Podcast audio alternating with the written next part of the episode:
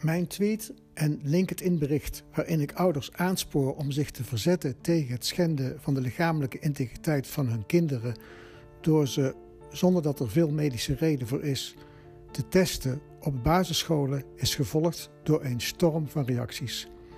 Ik wil in deze podcast nummer 6 graag een toelichting geven.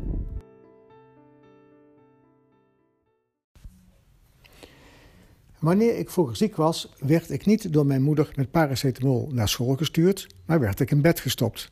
En als ik weer praatjes begon te krijgen, dan zei mijn moeder: Je blijft nog één dag thuis, ziek eerst maar eens uit. Als ik aan tafel kwam, zei mijn moeder: Eerst je handen wassen, net zoals dat door het huis klonk als ik thuis uit school kwam en als ik de wc had doorgetrokken. Tegenwoordig heette dat coronamaatregelen.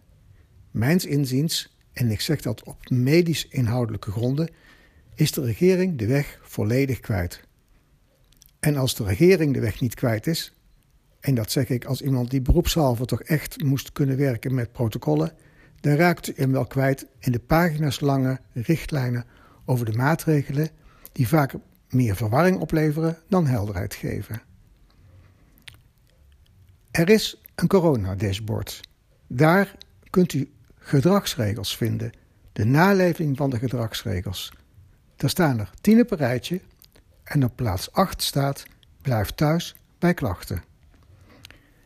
De afgelopen elf maanden heeft de regering maatregel over maatregel afgekondigd. Zij lijkt niet te weten in welke bocht ze zich moeten wringen om koningin corona te eren. De echo van de avondklok, het ultieme voorbeeld van een maatregel die behalve dramatische taferelen hoegenaamd niets opleverde, was er niet verstomd of de klassen naar huis en testenregel zag het licht. En is dat nu echt nodig? Als u in de tabel kijkt naar het item thuisblijven bij klachten, dan ziet u het meest essentiële maatregel van de epidemiecontrole maar die wordt maar voor 50% opgevolgd. Alle andere maatregelen zijn zinloos als deze maatregel niet door mij, u of uw kinderen wordt nageleefd. Of anders gezegd, we roepen deze ellende over onszelf af als we deze elementaire regel met voeten treden.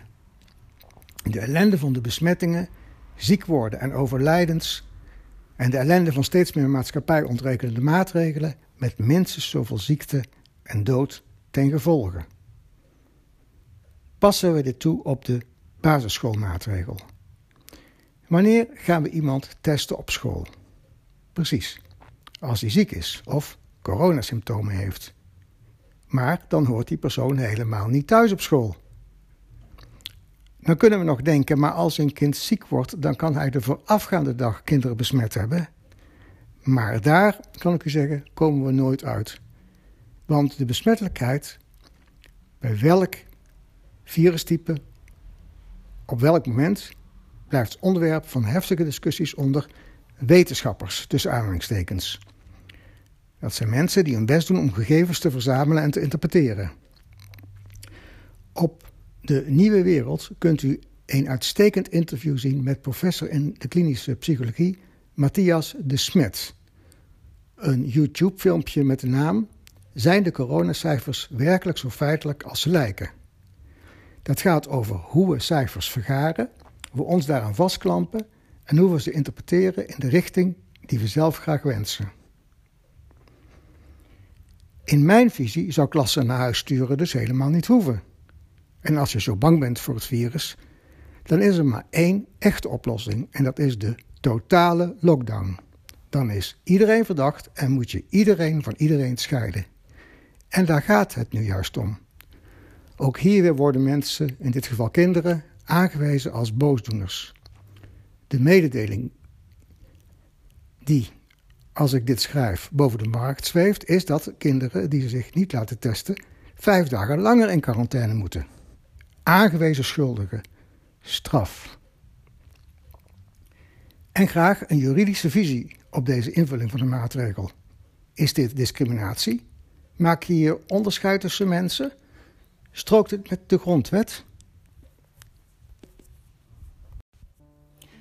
Ook op dit bericht van mij kunnen weer honderden reacties komen. We kunnen ons verliezen in eindeloze discussies waarbij het er soms onverkwikkelijk aan toe gaat. Op de website www.corona-ontkroond.nl probeer ik dan ook de aandacht hiervan af te halen en te focussen op het gezonde deel van de oplossing van de coronacrisis. Ontdoe corona van haar kroon. Houd rekening met haar, maar laat u niet door haar regeren. U bent van harte welkom. Mijn hoop is dat ik hiermee beleidsmakers aan het denken zet. U zou mij en uzelf helpen als u dit bij hen weet te krijgen. Dit was podcast 6 over corona.